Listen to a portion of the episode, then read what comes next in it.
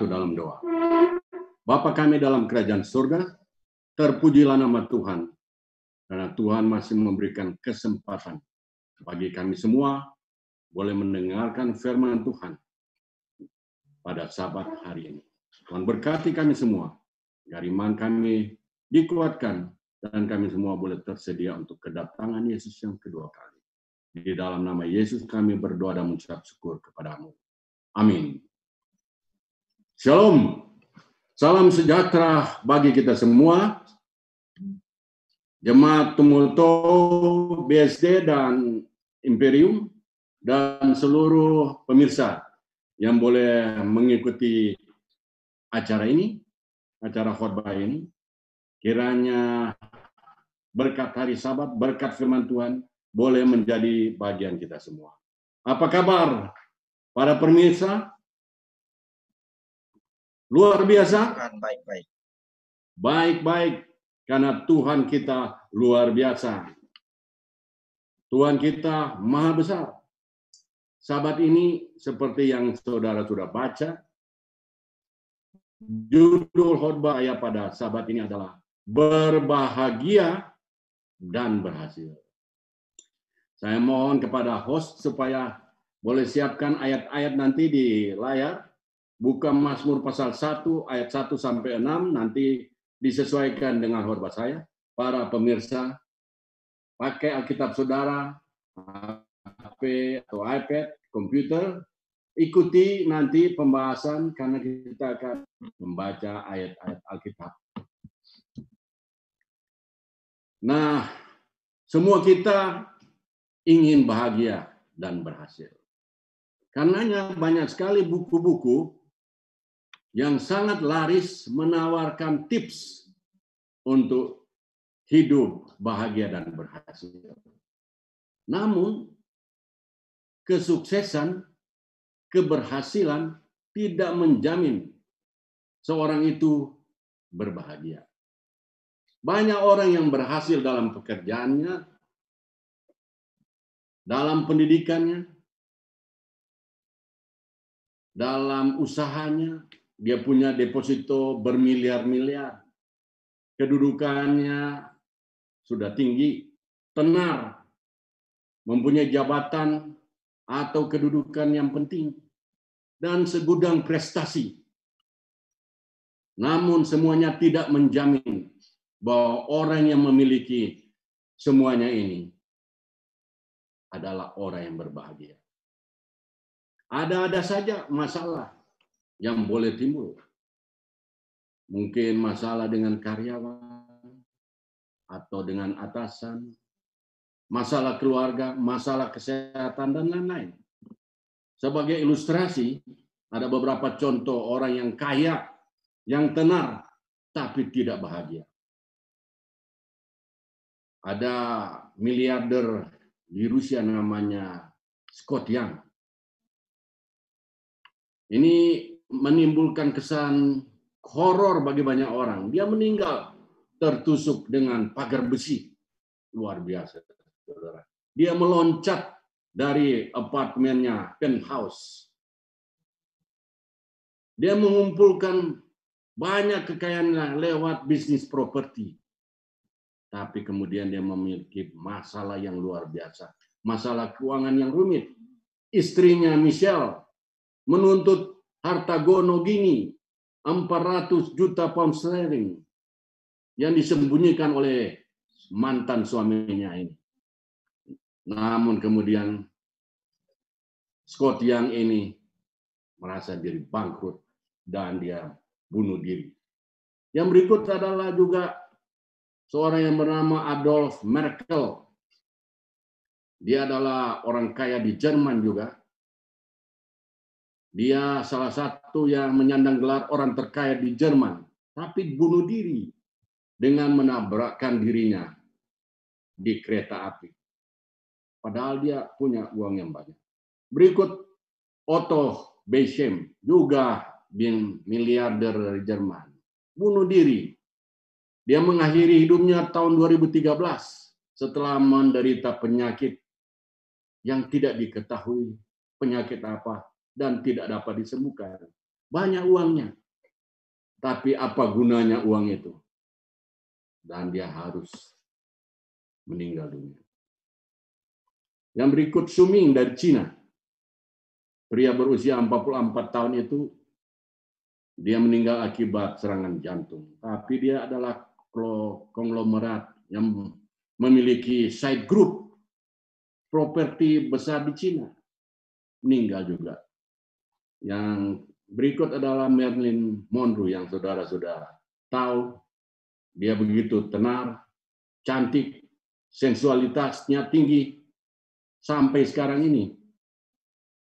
Namanya sebenarnya Norma Jean, tapi karena mau suka jadi lebih populer, ganti nama jadi Marilyn Monroe. Dia tidak pernah mengenal ayah biologinya, ayah kandungnya. Dia pada waktu masih remaja, dia kawin.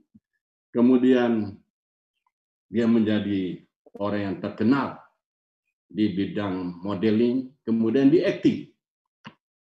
Tapi kemudian dia menderita depresi, kecanduan alkohol. Berapa kali dia diterpa gosip mempunyai affair dengan John F. Kennedy. Kematiannya dinyatakan sebagai percobaan membunuh diri dengan overdosis. Ada juga seorang pelukis yang sangat terkenal yang saudara mungkin sudah kenal namanya Vincent van Gogh, seorang pelukis berkebangsaan Belanda, terkenal dengan lukisan-lukisnya. Sekarang ini terkenal, tapi pada waktu dia melukis, walaupun mencapai 2100, 2100 lukisan yang dia lukis, harganya waktu itu sangat murah sekali. Dia nanti mahal saat sekarang ini tapi dia memutuskan bunuh diri. Saudara-saudara yang saya hormati, anggota jemaat Tumoto, BSD, dan Imperium, dan seluruh pemirsa yang boleh mengikuti acara khotbah ini, yang sangat mengasihi Tuhan Yesus dan dikasih Yesus. Firman Tuhan punya resep untuk kita semua bagaimana boleh hidup berbahagia dan berhasil. Kita akan membuka Alkitab kita di dalam Mazmur pasalnya yang pertama. Kita mulai dengan ayatnya yang pertama. Ayatnya yang pertama firman Tuhan ya, berkata dengan kalau kita baca di dalam ayat ini Berbahagialah orang yang tidak berjalan menurut nasihat orang fasik, yang tidak berdiri di jalan orang berdosa, yang tidak duduk dalam kumpulan pencemooh. Tapi sebelum kita lanjut dengan pembahasan Mazmur pasal satu ini, kita coba lihat ini gambaran tentang buku Mazmur ini. Keunikan dari buku Mazmur. Buku Mazmur ini adalah buku yang paling banyak pasalnya, 150 pasal. Ya. 150 pasal. Di dalamnya ada pasal yang paling panjang. Pasal berapa? Pendeta tahu ini. Pasal 119. Paling pendek 117. Paling banyak penulis dari semua buku di dalam Alkitab. Dan ditulis dalam jangka waktu yang terpanjang. Berapa lama? Antara 900 sampai 1000 tahun baru buku Mazmur ini ada. Ya, lengkap 150 pasal. Tidak ditulis secara kronologi. Kronologi artinya urutan, siapa duluan. Tidak ditulis begitu. Tapi ini 150 pasal dari berbagai puluhan penulis Ya. Mau susun bagaimana itu semua ini Mazmur ini? Mukum Mazmur pasal satu sudah dipilih, luar biasa. Disusun kemudian mungkin mengikuti Pentateuk waktu itu. Jadi pasal 1 sampai 41 mengungkapkan seperti buku kejadian ya. Pasal 42 sampai pasal 72 bicara mengenai keluaran, masalah seperti buku keluaran. 73 sampai 89 bicara mengenai mungkin seperti buku imamat. 90 sampai 106 seperti buku bilangan. Dan yang terakhir pasal 107 sampai 105 bicara mengenai ulangan. Itu singkatnya. Jadi mereka susun dengan baik sekali. Tapi dari 150 pasal ini, coba saudara pikir, mana mana yang mau dibikin pasal satu?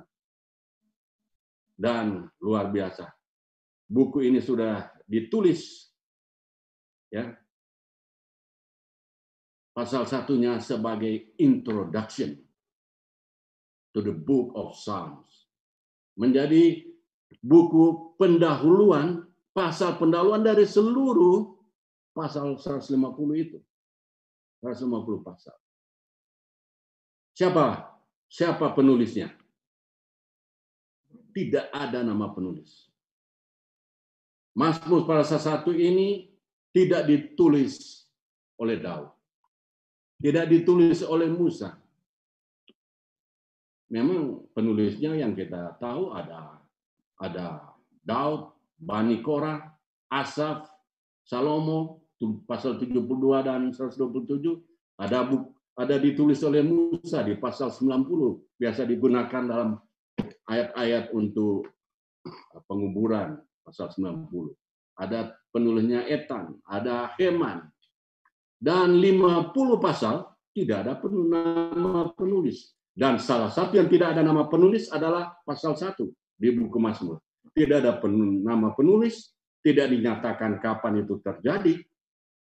Saya bertanya, kenapa sampai tidak ada semuanya itu? Kemungkinan besar ini yang editor ini yang mengumpulkan Mazmur ini sudah baca dan kemudian melihat bahwa Mazmur pasal satu ini benar-benar tidak perlu mengungkapkan siapa penulisnya. So, ini diinspirasikan oleh Tuhan yang menjadi kebenaran dari zaman ke zaman. Orang yang mau berhasil Orang yang mau berbahagia di zaman mana pun. Ini merupakan kuncinya. Mari kita saudara melihat ayat yang pertama tadi. Coba kita lihat di layar lagi. Berbahagialah orang yang tidak berjalan menurut nasihat orang fasik, yang tidak berjalan, yang tidak berdiri di jalan orang berdosa, dan yang tidak duduk dalam kumpulan pencemooh. Anda perhatikan kata berbahagia ini. Dalam bahasa Yun, dalam bahasa Ibrani, kata berbahagia ini sebenarnya ada dua kata berbahagia dalam bahasa Ibrani. Yang pertama kita sebut asher dan yang kedua adalah barak. Ingat saja, asher dan barak, huruf pertama dan huruf kedua.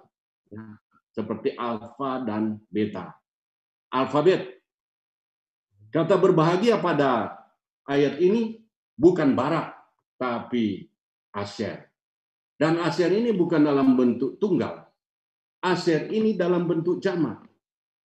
Jadi kata berbahagia ini, kata berbahagia ini adalah kata yang jamak. Kenapa sampai kata berbahagianya digunakan aleh ini kata aser bukan barak karena juga mungkin penulis Mazmur ini ingat bahwa hukum 10 hukum Allah itu dimulaikan dengan huruf alef dalam dalam bahasa Ibrani ini hukum Taurat ini dimulai dengan huruf a. Anoki. Anoki artinya akulah ya akulah Allah gitu. Dan ini dimulai juga nih buku Mazmur seperti di dalam buku Pentateuk itu dimulai dengan as dengan alfa ya, alef ya asher dan dalam bentuk jamak. Jadi sebenarnya tidak boleh diterjemahkan hanya singular, hanya tunggal kata ini. Nama Asher juga kalau kita nanti saudara baca boleh tulis di dalam kejadian pasal 30 ayat 13 ada di sana Lea. Dia berkata, aku ini berbahagia. Tentulah perempuan-perempuan akan menyebutkan aku berbahagia. Maka ia menamai anaknya Asher. Asher itu artinya bahagia. Nah, Dewi Kanaan juga namanya Asyera. dewi keberuntungan, dewi kebahagiaan, dewi keber, kegembiraan berasal dari kata ini. Nah, kata berbahagia dalam ayat Mazmur pasal 1 ini bukan tunggal. Jadi berbahagialah orang yang tidak berjalan. Maksudnya kata berbahagia ini boleh diterjemahkan dengan berkat-berkat atau kenikmatan-kenikmatan. Jadi dalam ayat bahasa Indonesia ini tidak secara uh, keseluruhan mengungkapkan arti dari kata berbahagia. Berbahagia di sini adalah jamak. Kalau kita bikin jamak maka berbahagialah, berbahagialah atau berkat-berkat atau nikmat-nikmat orang yang tidak berjalan menurut dan seterusnya. Jadi sampai tidak pernah kata uh, berkat ini atau bahagia ini dalam bentuk tunggal di dalam uh, Alkitab kita ini. Karena memang Tuhan memberikan berkat kepada umatnya secara berkelimpahan dan berkesinambungan. Saudara dan saya menerima berkat bukan hanya satu saja berkat, tapi berkat-berkat yang berlimpah ruah Tak sempat kita taruh, coba saudara pikir. Kita bayar perpuluhan aja, Tuhan bilang dia akan buka tingkap-tingkap langit dan mencurahkan berkat yang tak sempat kita taruh.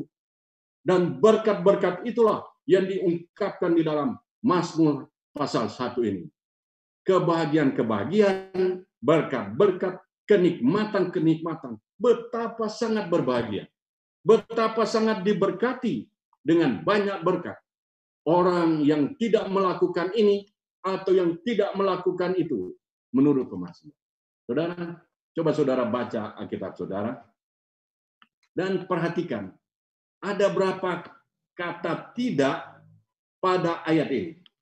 Coba saudara semua para pemirsa lihat Alkitab saudara, lihat ada berapa kata tidak dalam ayat ini.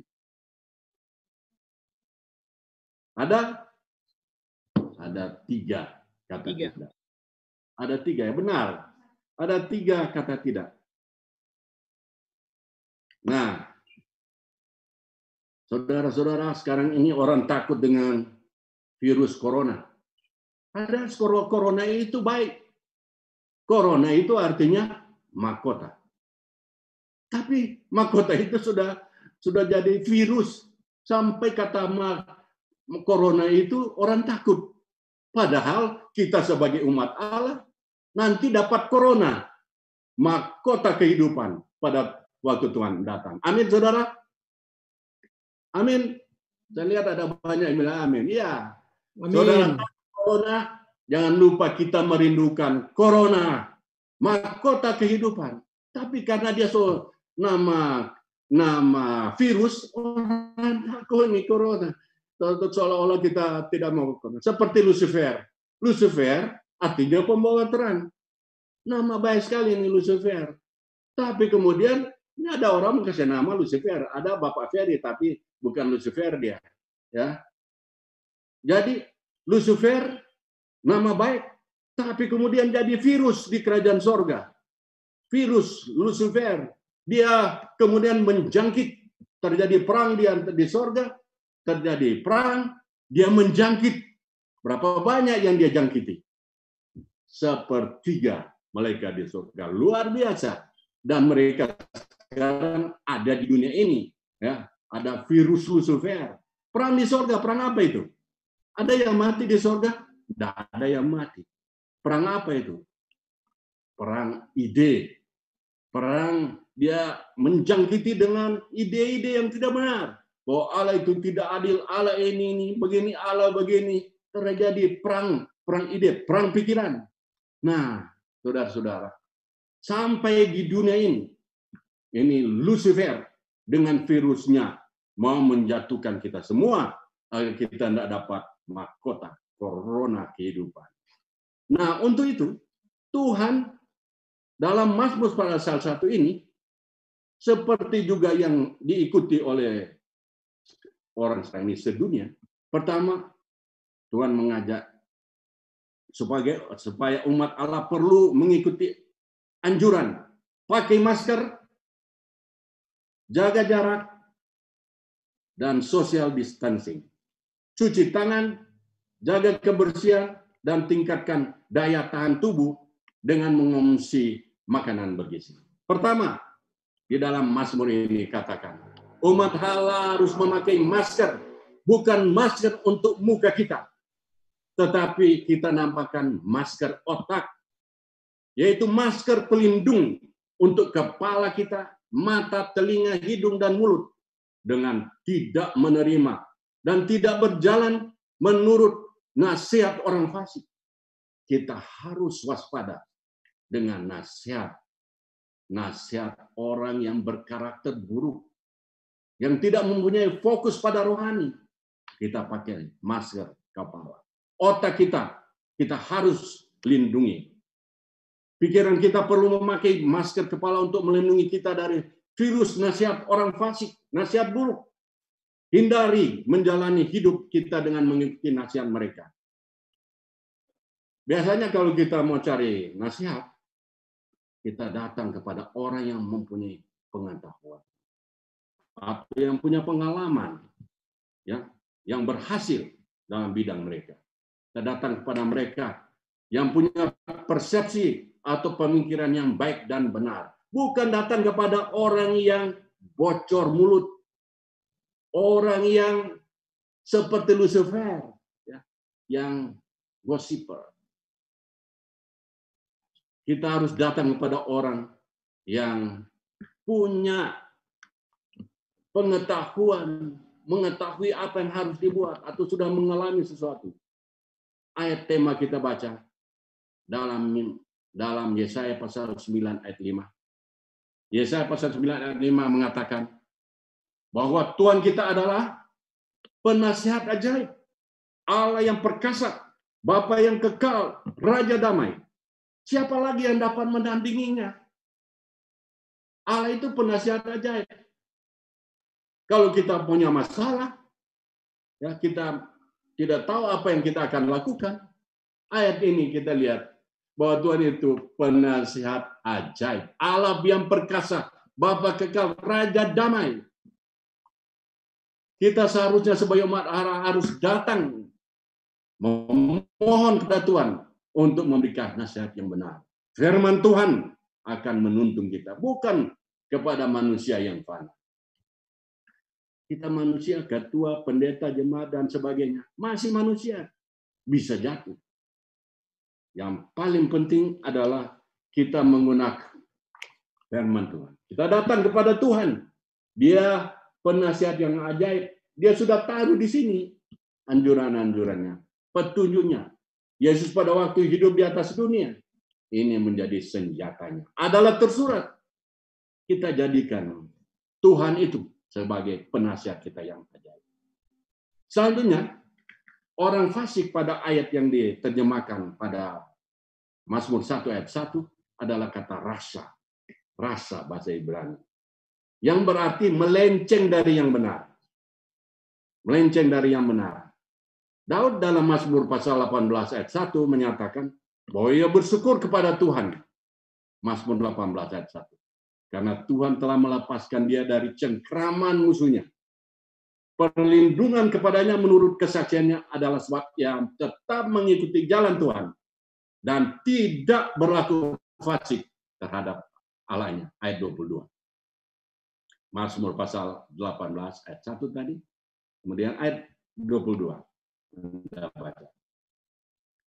Kalau kita lihat di dalam di dalam bahasa Inggris terjemahannya dia bilang for I have kept the ways of the Lord and have not wickedly departed from my God.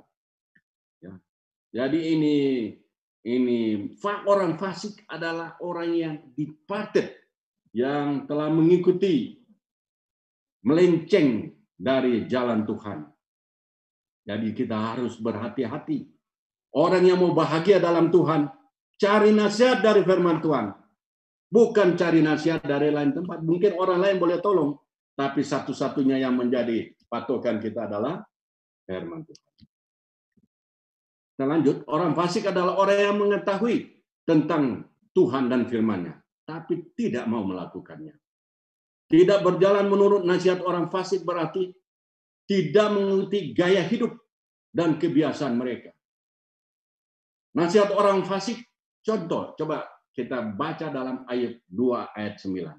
Ayub pasal 2 ayatnya yang ke-9.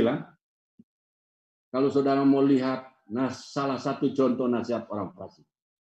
Ayub pasal 2 ayat 9 nanti di layar akan buka Saudara boleh lihat di Alkitab saudara, Ayub pasal 2 ayat 9. Maka berkatalah istrinya, ini istri Ayub kepadanya, kepada Ayub, masih bertekun ke engkau dalam kesalehanmu, kutukilah Allahmu dan matilah. Saudara, saudara pemirsa, anggota jemaat Tumuto, nasihat seperti ini tidak boleh diikuti. Kalau ada orang-orang anggota jemaat atau yang lain-lain memberi nasihat seperti nasihat istri Ayub, mati jodoh. Ya, murtad saja. Nah, itu hindari orang-orang demikian.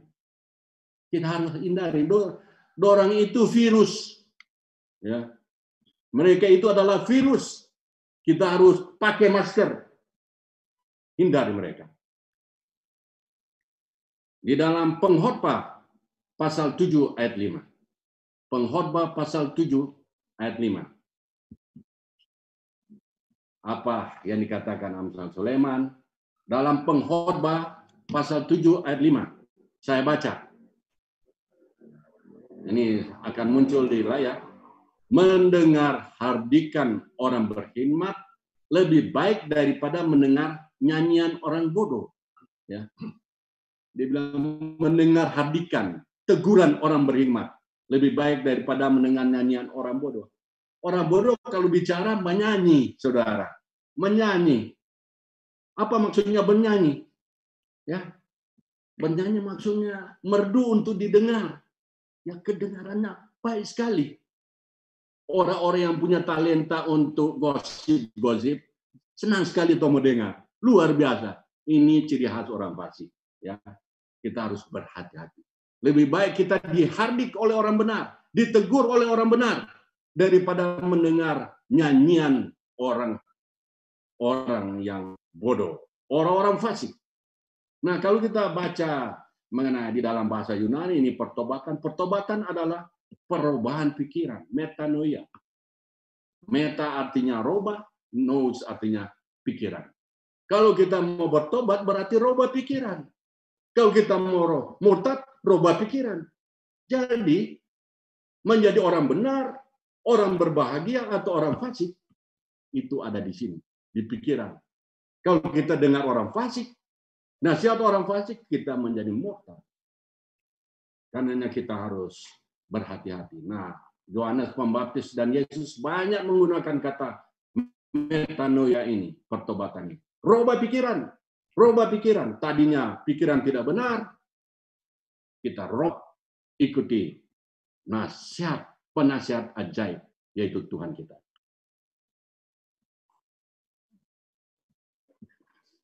Tidak heran Rasul Paulus di dalam Filipi pasal 4 ayat 8. Mari buka saudara.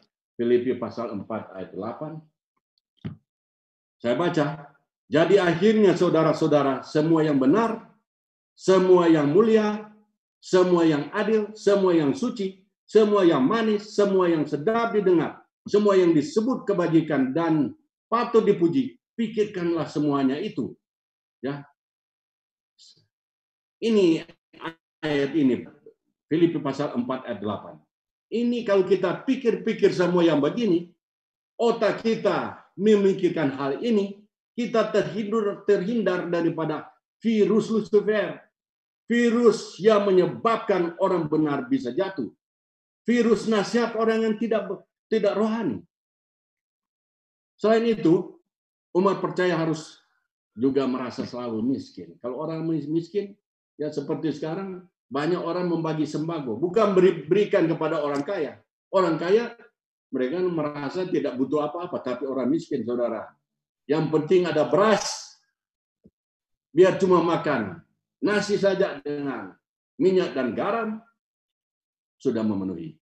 Mereka senang menerima apa saja. Kalau kita kalau kita mempunyai mindset, pola pikir seperti orang miskin, kita akan menerima apa saja yang dikatakan oleh firman Tuhan. Amin, saudara. Oke. Kedua, di dalam ayat ini mengatakan kita harus jaga jarak, physical distancing, dengan tidak berjalan di jalan orang berdosa. Kita harus waspada dengan pergaulan buruk. Orang berbahagia, umat percaya yang berbahagia adalah orang yang tahu jaga jarak dengan orang berdosa. Yaitu dengan tidak berdiri jalan mereka. Harus awas dengan orang-orang ini. Tidak bergaul dengan mereka. Tadi bilang jangan dengar. Sekarang juga dia bilang jangan bergaul. Jangan bergaul dengan mereka. Nah, di dalam Mazmur pasal 143 ayatnya yang ke-8. Mazmur Mazmur 143 ayatnya yang ke-8 bagian B dikatakan begini.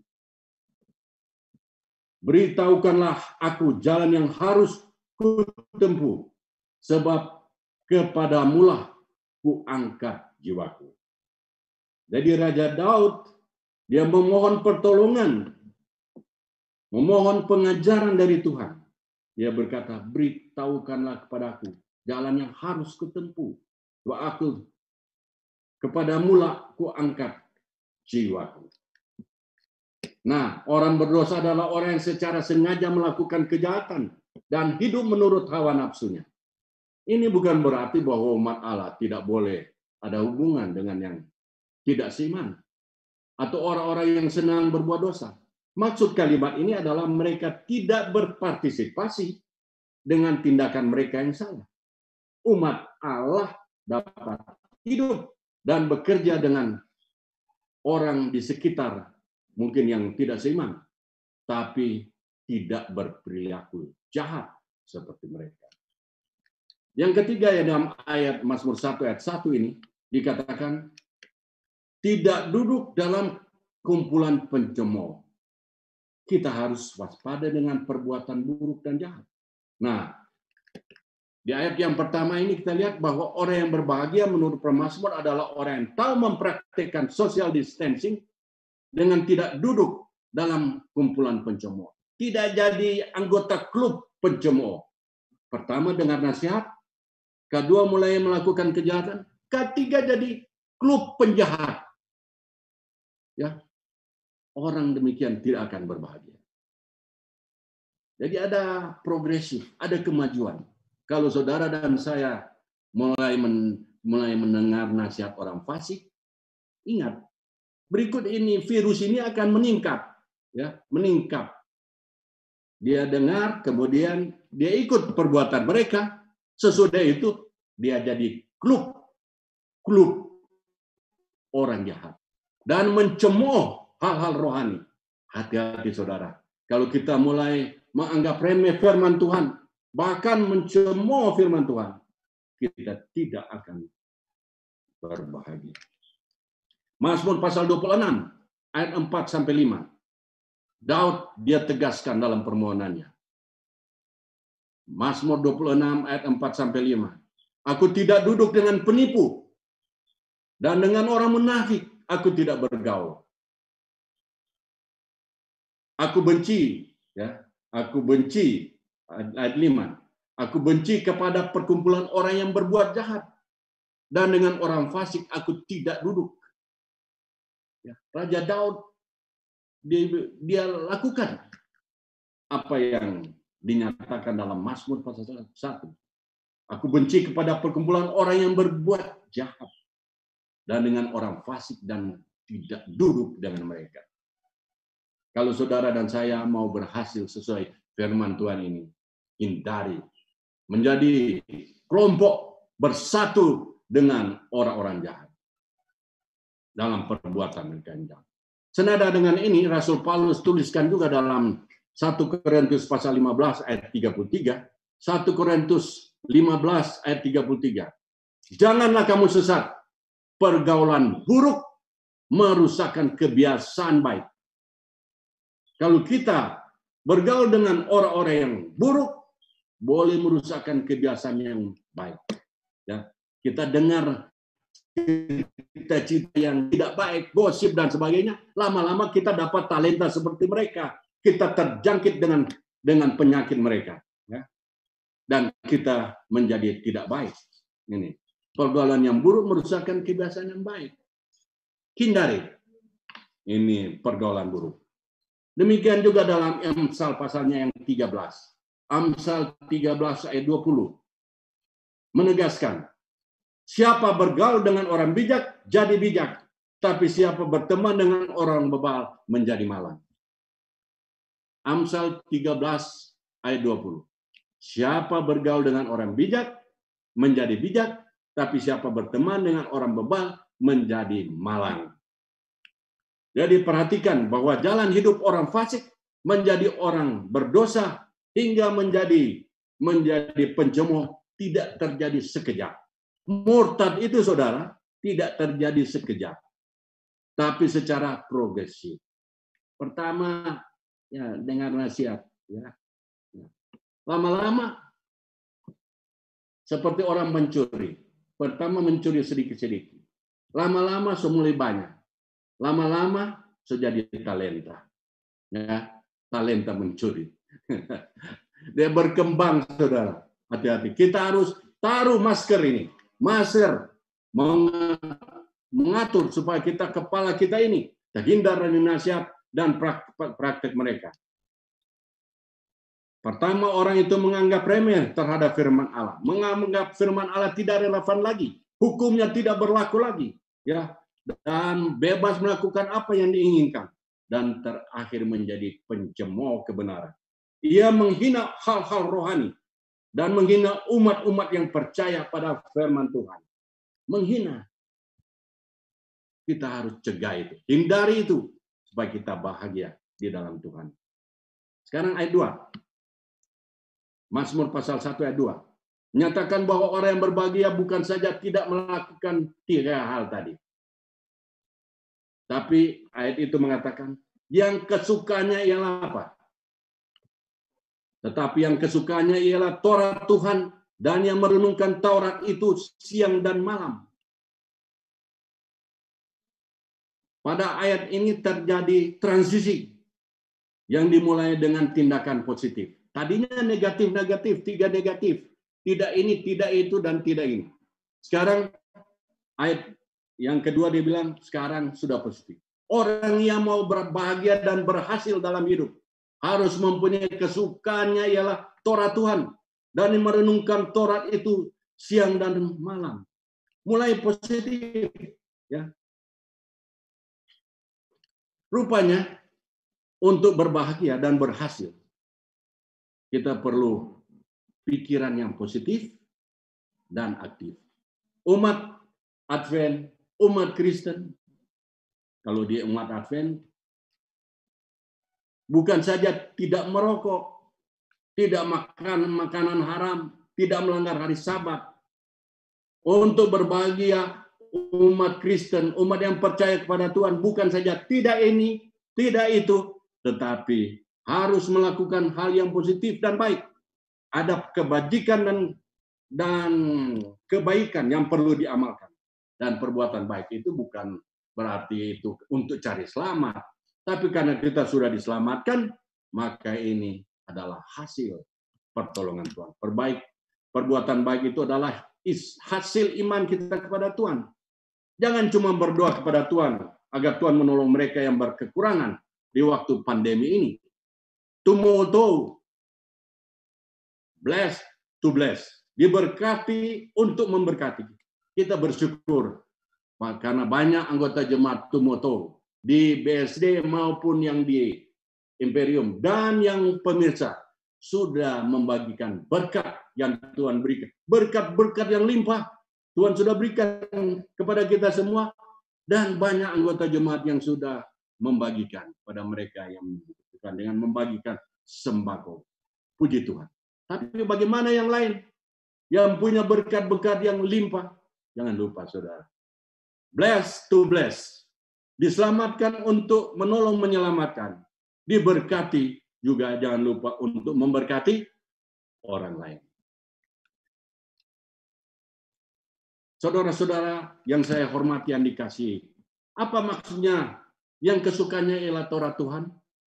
Kata kesukaan ini dapat diterjemahkan dengan hobi. Hobi. Saya dengan pendeta apa ini Rocky, pendeta Rocky juara juara badminton di Ungkla. Ya, dua-dua hobi badminton. Ini Larry juga ada hobi, Glenn. Kita lihat ada juga yang lain. Lexi, Dimpulus. Kita lihat banyak di sini. Mau Bapak Edi Slat juga hobi. Saudara, ini hobi. Apa ini hobi? It's one o'clock. Oh, udah jam satu ini. Bagaimana saudara? Semua berhenti ini atau bagaimana ini? Host? Hah? Masih boleh? Terus? Lanjut, lanjut. Lanjut sampai selesai. Sekarang, sekarang Tapi jam 12 Jakarta, pendeta. Jam 12 kita mana? Oke. Jadi ini hobi. Apa itu hobi, saudara? Ada itu hobi, hobi makan. Kalau hobi makan dapat lihat di mana? Saudara? Dapat lihat di badan. Ya, badan. Makannya enak. So, saya hobi badminton seperti pendeta Franz bilang hobi badminton sama Rocky. Capek-capek ke kerja di kantor, pulang ganti pakaian, main. Padahal sudah capek. Kenapa? Orang yang punya hobi ada punya ciri khas. Adalah orang yang melakukan sesuatu dengan senang hati tanpa paksaan. Bahkan ia sering lakukan hingga lupa waktu. Dia akan secara konsisten. Ya, kita akan selalu melakukan dengan penuh gairah. Eh, mari main badminton. Wah, di mana? Kita main di sana. Ya. Tidak pernah bosan melakukannya. Cuma sekarang seperti corona dilarang. Waduh, ada kerinduan. Kapan orang boleh main lagi badminton? Ya, badminton ini dilarang main badminton. Ada kerinduan. Saudara-saudara di Jakarta uh, rindu sekali makan uh, rica-rica.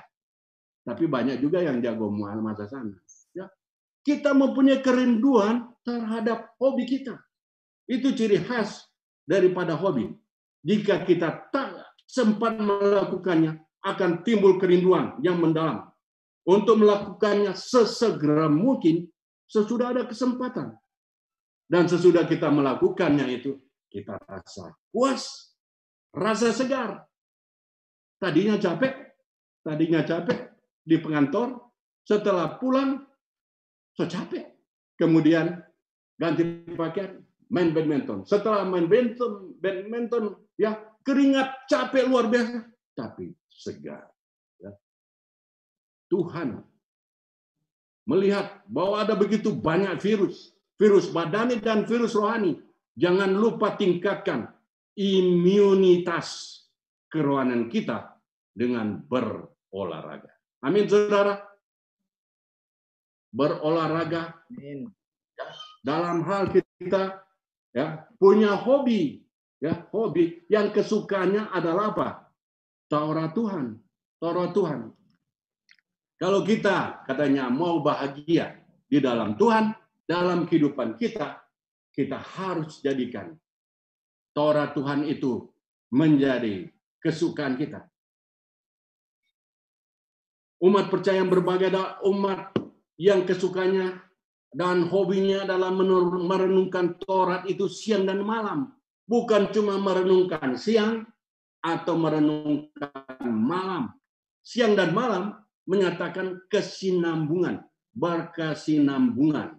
Terus menerus bukan hanya sehari atau dua hari, atau hanya saat diperlukan saja.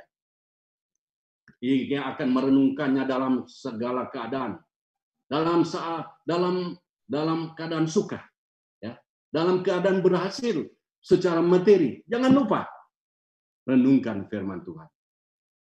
Kalau saudara dan saya dipromosi jadi dapat jabatan yang tinggi, ya, diberkati, renungkan firman Tuhan bahwa kredit itu harus diberikan kepada Tuhan, bukan kepada diri kita.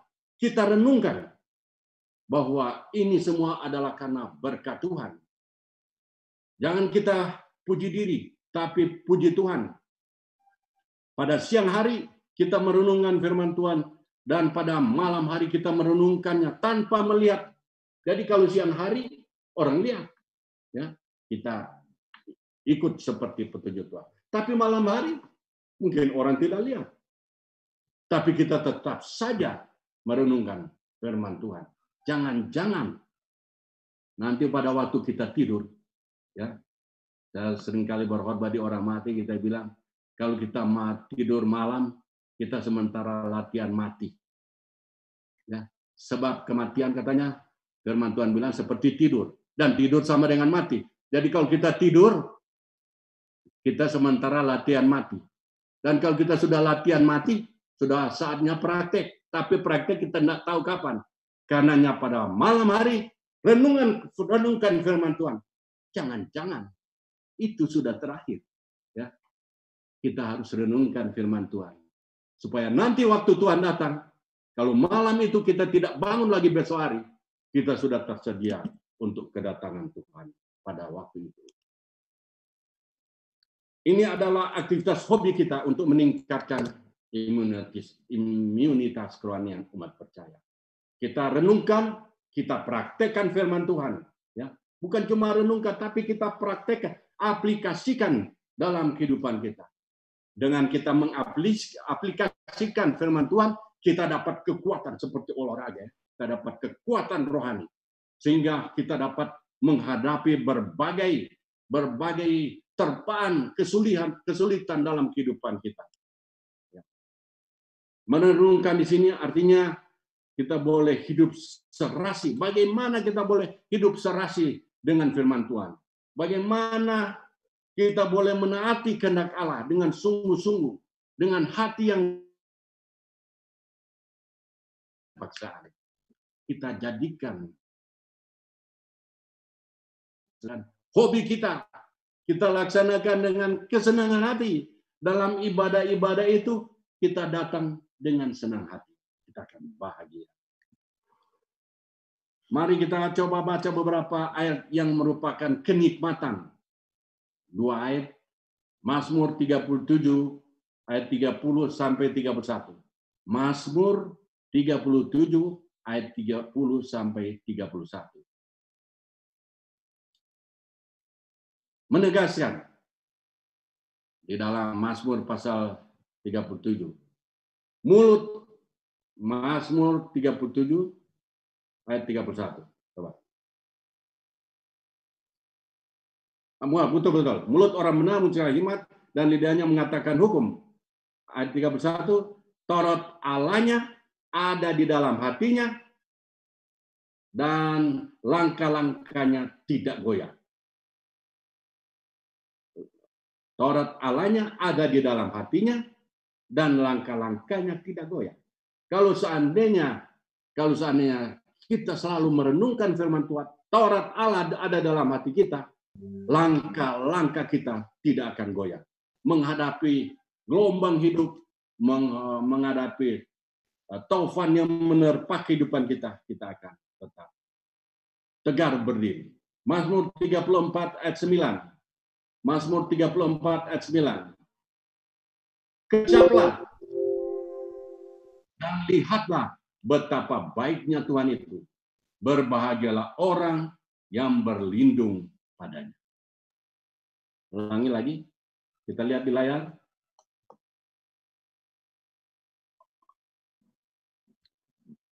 Mazmur pasal 34 ayat 9. Itu sudah ayat 10. Kecaplah dan lihatlah betapa baiknya Tuhan itu Berbahagialah orang yang berlindung kepadanya. Kecaplah, nikmati, ya, nikmati Taurat Tuhan itu, firman Tuhan itu. Dan lihatlah betapa baiknya Tuhan itu dalam kehidupan. Berbahagialah orang yang berlindung dalam firman Tuhan. Saudara-saudara yang kekasih di dalam Tuhan, kita lanjutkan dengan Mazmur 1 ayat 3 secepat-cepat sedikit. Saya baca. Ya seperti yang di tepi, ditanam di tepi aliran air yang menghasilkan buahnya pada musimnya, yang tidak layu daunnya, apa saja yang diperbuatnya berhasil. Ya seperti pohon yang ditanam di tepi aliran yang memacarkan buahnya pada musimnya dan yang tidak layu daunnya apa saja yang diperbuatnya. Jadi umat percaya seperti pohon yang ditanam, ditanam di tepi aliran air. Nah, saudara, pohon ya yang ditanam. Kalau bilang ditanam, berarti itu bukan pohon liar. Itu ada orang punya itu.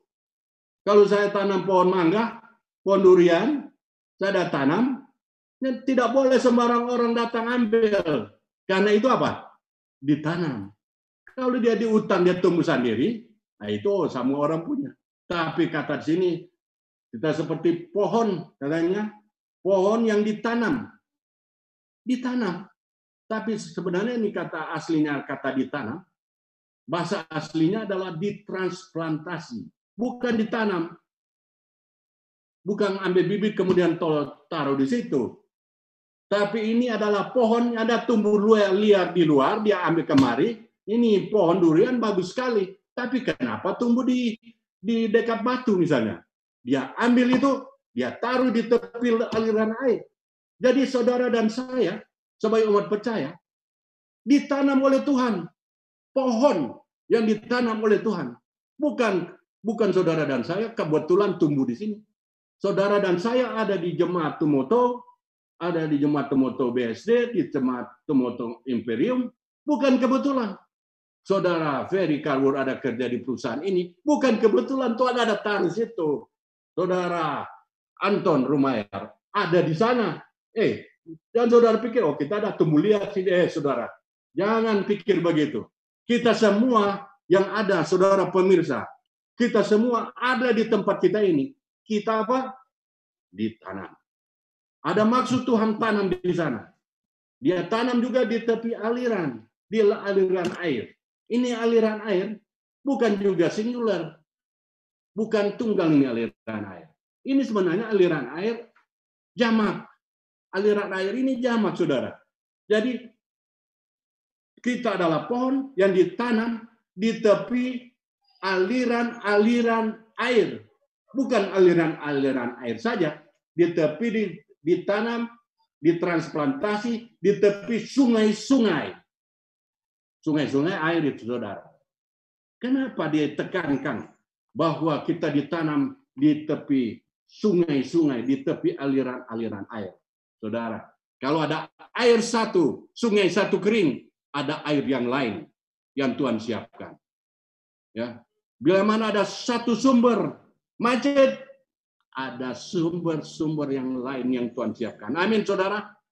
Bila mana saudara dan saya mengalami masalah tertentu, kelihatan buntu, ada Tuhan siapkan aliran lain. Jangan saudara dan saya kecewa, karena yang Tuhan siapkan adalah aliran-aliran air ya dan katanya yang menghasilkan buahnya pada musimnya dan yang tidak layu daunnya ya.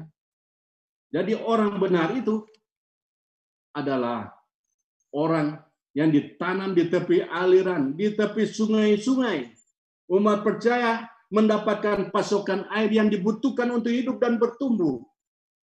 Kalau sungai yang satu kering, masih ada sungai yang lain. Jangan saudara dan saya khawatir akan kekurangan air. Karena Yesus sendiri berkata dalam Yohanes pasal 4 ayat 10 sampai 11. Siapa yang merupakan air hidup kita? Air hidup kita adalah siapa? Yesus Kristus. Yang boleh Coba kita baca ayatnya supaya lihat di di apa ini? Di layar.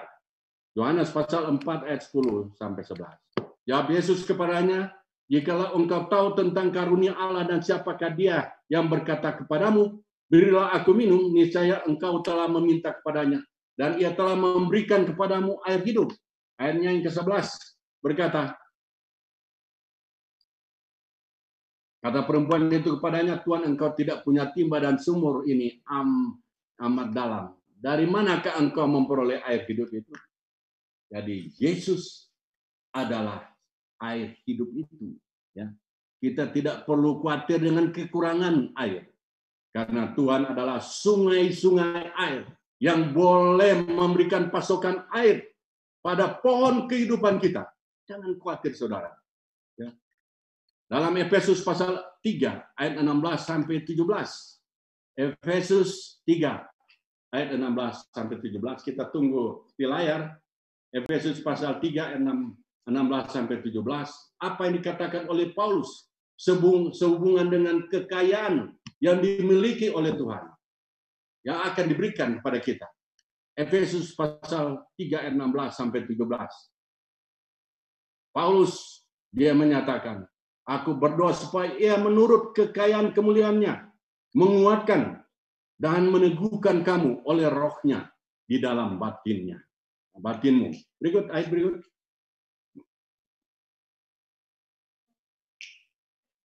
Ayat 17. Sehingga oleh imanmu Kristus diam di dalam hatimu dan kamu berakar serta berdasar di dalam kasih. Kita akan berakar. Pohon itu akan berakar, bertumbuh ya di dalam kasih Tuhan.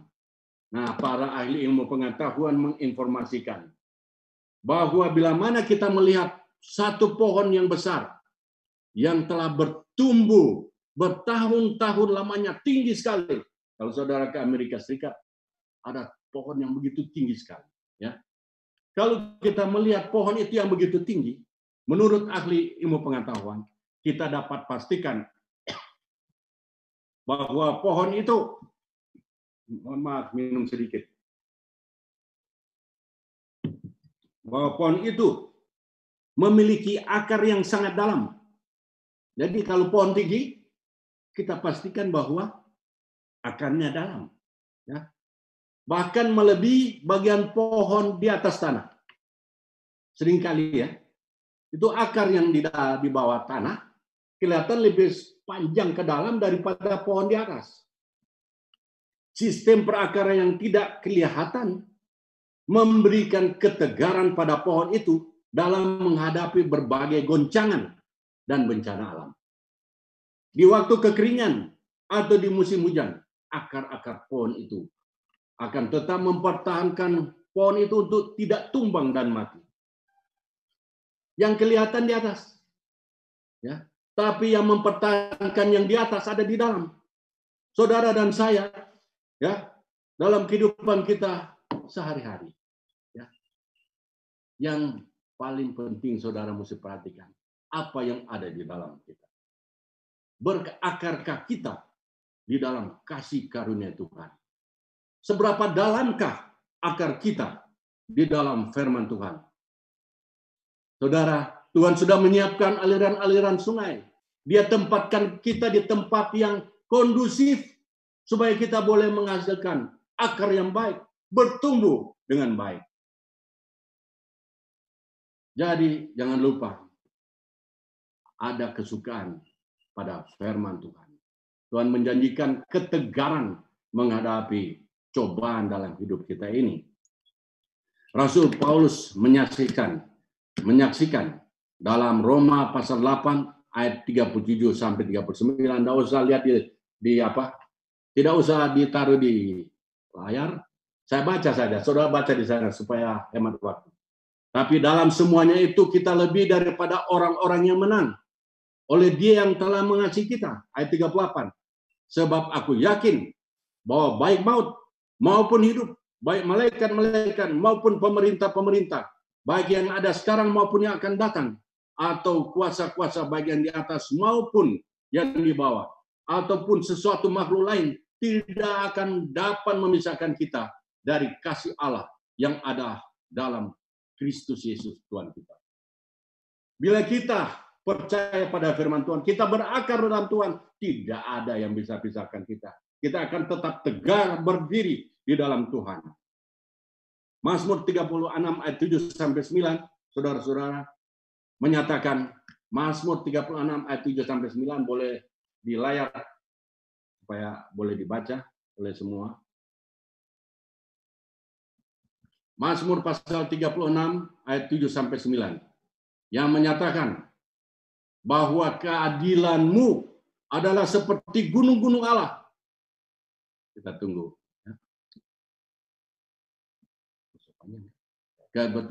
Betapa ya kedalammu adalah seperti gunung-gunung Allah. Hukummu bagaikan samudera raya yang hebat. Manusia dan hewan kau selamatkan yang Tuhan. Coba saudara perhatikan. Hukummu bagaikan samudera raya yang hebat.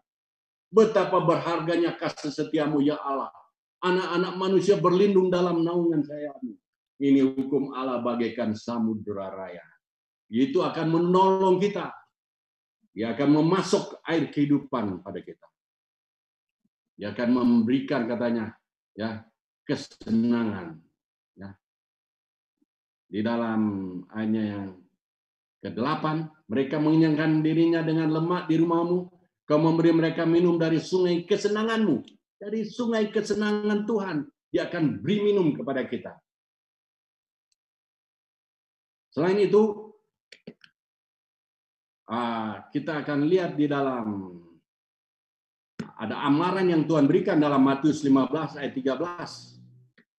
Matius 15 ayat 13. Buka Alkitab Saudara. Matius 15 ayat 13. Ada amaran yang Tuhan berikan. Kalau kita adalah pohon, Tuhan memberikan amaran bagi kita masing-masing. Jawab Yesus, setiap tanaman yang tidak ditanam oleh Bapakku yang di sorga akan dicabut dengan akar-akarnya. Apakah ada pohon-pohon di jemaat yang tidak ditanam oleh Tuhan? Ada. Jangan kita dikecewakan dengan pohon-pohon yang tidak ditanam oleh Tuhan. Kita yang sudah ditanam oleh Tuhan punya misi. Ya. Punya misi. Saudara-saudara yang diberkati oleh Tuhan, Pohon umat percaya adalah pohon yang menghasilkan buah pada musimnya. Pada musimnya. Apa maksudnya pada musimnya? Pada musimnya artinya pada waktunya.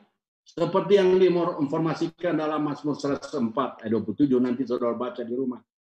Bahwa itu pada musimnya sama dengan pada waktunya. Dengan kata lain, dengan kata lain bahwa umat percaya bukan hanya penerima berkat, dan keselamatan dari dari Tuhan, tapi menjadi agen Tuhan dalam membagikan berkat dan keselamatan dari Tuhan. Tumoto punya sembahyang yang luar biasa. Save to save. Diberkati untuk diberkati. Memberkati. Selama hidup dalam Tuhan kita pasti akan menghasilkan buah rohani. Umat Allah adalah orang-orang yang produktif yang selalu memberikan kesegaran bagi orang lain. Buah umat percaya akan berbuah pada musimnya, bukan buah instan. Ya. Buah umat percaya itu bukan buah instan. Seperti kita tahu bahwa buah adalah hasil suatu proses pertumbuhan yang berkesinambungan dan panjang. Dengan adanya kesuburan rohani, pasokan air yang baik, tanah subur menghasilkan buah. Demikian juga dengan buah rohani, Soal dengan Galati pasal 5. Ada saatnya buah itu muncul. Kalau umat percaya baru ditanam, dia adalah pohon Tuhan. Mungkin belum ada buah, ya, belum ada buah. Janganlah kita, janganlah kita menghakimi umat percaya yang baru ditanam atau buahnya masih mantap kalau orang Manado bilang. Ya, memerlukan proses matang. Jadi kita lihat, wah ini orangnya ini bilang umat percaya, masih kurang sabar, pecat dia. Oh, saudara, dia itu pohon umat Allah, buahnya masih mentah. Ada proses pematangan. Jangan kita menjadi hakim. Jangan kita menjadi hakim. Ada masanya buah itu kan buah kecil, kemudian buah besar, besar, matang. Kalau dia sudah matang, maka semua sembilan cita rasa pada buah roh dalam Galati pasal 5 pasti ada. Tapi kalau saudara masih lihat, oh masih kurang-kurang sedikit, dia masih mentah atau setengah masa, saudara. Ya, jangan kita hakimi. Tuhan yang tahu itu. Ya, jangan kita hakimi. Mari kita motivasi dia, ya kita dorong dia Kasih subur di petanaman dengan firman Tuhan supaya makin dia masak di dalam kerohanian. Amin, saudara. Amin. Saudara-saudara yang kekasih. Di dalam pengkhotbah pasal 3 ayat 11, mohon ditaruh di layar. Pengkhotbah pasal 3 ayat 11. Saudara boleh baca. Pengkhotbah 3 ayatnya yang ke-11 bahwa ayat ini meneguhkan kebenaran ini. Ia membuat segala sesuatu indah pada waktunya. Bahkan ia memberikan kekekalan dalam hati mereka. Tapi manusia tidak dapat menyelami pekerjaan yang dilakukan Allah dari awal sampai akhir. Saudara, ini proses pematangan adalah pekerjaan Tuhan. Ya, dia akan katanya apa? Sesuatu indah pada waktunya. Dia akan memberikan kekekalan dalam hati mereka. Dia yang atur. Ya. Kalau masih ada kurang-kurang sedikit, saudara, mari kita dorong dia. Puji ya, puji Tuhan. Supaya matang di dalam di dalam Tuhan. Ada masa dia memang betul-betul matang. Lebih lanjut, ayat itu mengatakan, dan yang tidak layu daunnya. Seperti semua yang kita tahu bahwa daun mendapat kuasa dari atas daun itu. Banyak daun. Dapat kuasa dari matahari. Daun kemudian terjadi fotosintesis. Fotosintesis adalah suatu proses tumbuhan. Membuat makanan sendiri, yakni proses pembentukan karbohidrat dari karbon dioksida dan air. Dari CO2 dan H2O dengan bantuan sinar matahari. Jadi dapat bantuan dari sinar matahari, daun itu kemudian dia berubah ya dapat bantuan. Demikian juga dengan kita. Daun kehidupan kita mendapatkan matahari, sinar matahari kebenaran dalam Maliaki pasal 4 ayat 2. Maliaki pasal 4 ayat 2 terjemahan lama mengatakan akan tetapi bagi kamu yang takut akan namaku akan terbit matahari kebenaran. Tuhan adalah matahari kebenaran menyinari masing-masing kita umat percaya. Dan kita punya daun-daun ini berfotosintesis dengan kuasa dari matahari kebenaran menghasilkan buah menghasilkan zat-zat yang dibutuhkan agar supaya kita boleh berbuah di dalam Tuhan. Jadi kita harus tetap berada dengan matahari kebenaran. Mendapat kuasa dari Tuhan sebagai matahari matahari kebenaran sehingga kita boleh bertumbuh sampai menghasilkan buah. Nah, pohon ini katakan evergreen, tidak layu daunnya. Dalam segala cuaca, cuaca kering, hujan, cuaca badai kehidupan melanda. Kalau kalau kehidupan kita dilanda kesulitan, malapetaka dan sebagainya. Siapakah? Siapakah sandaran kita? Yeremia pasal 17 ayat 7 sampai 8 Yeremia pasalnya yang ke-17 ayat 7 sampai 8 menegaskan bahwa bahwa diberkatilah orang yang mengandalkan Tuhan, yang menaruh harapannya pada Tuhan, ia akan seperti pohon yang ditanam di tepi air, yang merambatkan akar-akarnya ke tepi batang air, dan yang tidak mengalami datangnya panas matahari yang daunnya tetap hijau. Ya. Daunnya tetap hijau. Apa saja yang diperbuatnya berhasil. Mengapa selalu berhasil? Di dalam Mazmur pasal 37 ayat 23 sampai 24 dikatakan Tuhan menetapkan langkah-langkah orang yang hidupnya berkenan kepadanya. Ayat 24 Mazmur 37. Apabila ia jatuh, tidaklah sampai tergeletak, sebab Tuhan menopang tangannya. Umat percaya selalu berhasil, karena Tuhan selalu menopang tangannya. Kita patut memberikan kredit keberhasilan kita kepada Tuhan yang menolong kita. Selanjutnya, ayat 4, cepat-cepat semua kalau panjang. Bukan demikian dengan orang fasik, mereka seperti sekam yang ditiupkan angin. Ayat ini memberikan perbandingan dengan orang benar. Orang benar pohon, orang fasik sekam. Mereka bukan pohon yang berbuah, tapi seperti sekam, tidak berakar dan tidak bertujuan. Terserah ke mana pun ditiup angin. Orang fasik tidak mempunyai prinsip. Mereka mempunyai prinsip yang disebut situational ethics. Artinya et, situasi yang menentukan etika mereka. Ya. Kalau saudara masuk di kandang kambing, mengembiklah. Kalau masuk di kandang kuda, apa itu? Seperti jadi seperti kuda lah. Ah, saudara. Daniel. Daniel berada di tanah kanan sama dengan Daniel yang berada di Babylon. Kita yang dari desa sering kali setia di, di, di desa. Setelah datang di kota orang banyak tidak lihat. Nah, terus jadi jadi orang orang tidak bertuhan malah, ya. Masuk sini, masuk sana. Ada yang di di bus di Manila ada tulis di sana di bus saya baca. Good girl, good girl, go to heaven. Bad girl, go everywhere. Kalau good girl, pergi ke sorga. Kalau bad girl, pergi ke mana-mana. Situational ethics. Orang bilang mau pergi ke mana, ya ke mana saja. Masuk sini, masuk sana, ke mana saja, saudara. Ingat, bahwa umat Allah katanya bukan seperti sekam yang ditiup angin.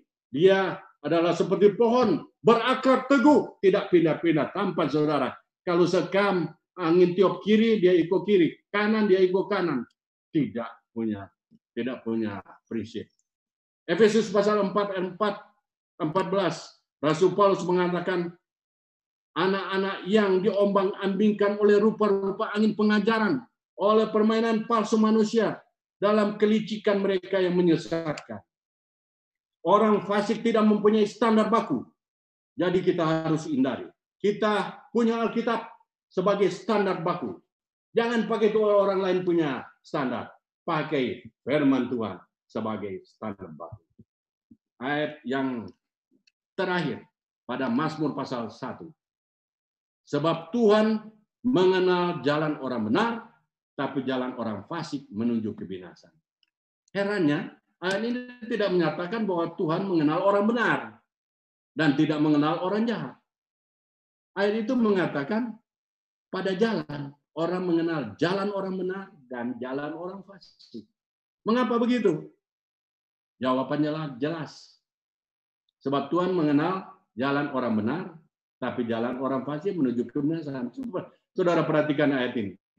Tidak ayat ini tidak mengatakan sebab Tuhan mengenal orang benar. Tapi ayat ini mengatakan sebab Tuhan mengenal jalan orang benar. Tapi jalan orang fasik menuju kebinasan. Kenapa ditekankan pada jalan? Kita tahu bahwa nasib orang ditentukan oleh pilihan jalan hidupnya.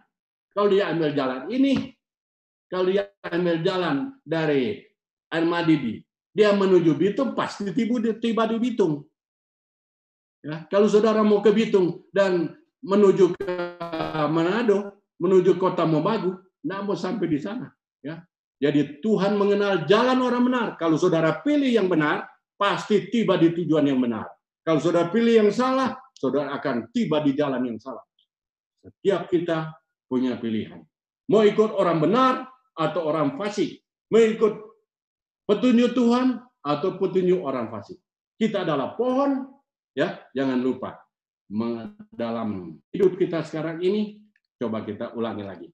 Untuk berbahagia dan berhasil, pakailah masker otak, pelindung otak kita, ya dengan tidak menerima nasihat orang fasik. Tidak mengikuti nasihat buruk mereka, kita harus waspada. Dan selalu mengandalkan Tuhan. Kita harus jaga jarak, physical distancing dengan tidak berdiri di jalan orang berdosa. Menghindari pergaulan yang buruk dan aksi buruk.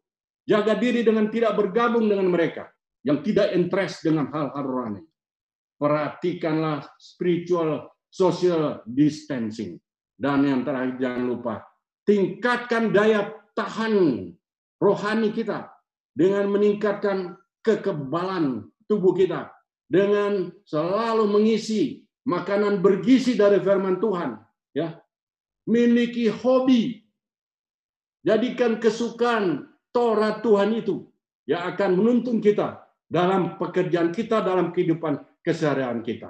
Saudara-saudara, anggota jemaat, para hadirin sekalian, jemaat Komoto BSD, Imperium, dan semua kita yang mendengarkan firman Tuhan. Berbahagialah dan berhasillah di dalam Tuhan. Tumoto, save to save, and bless to bless. Amin.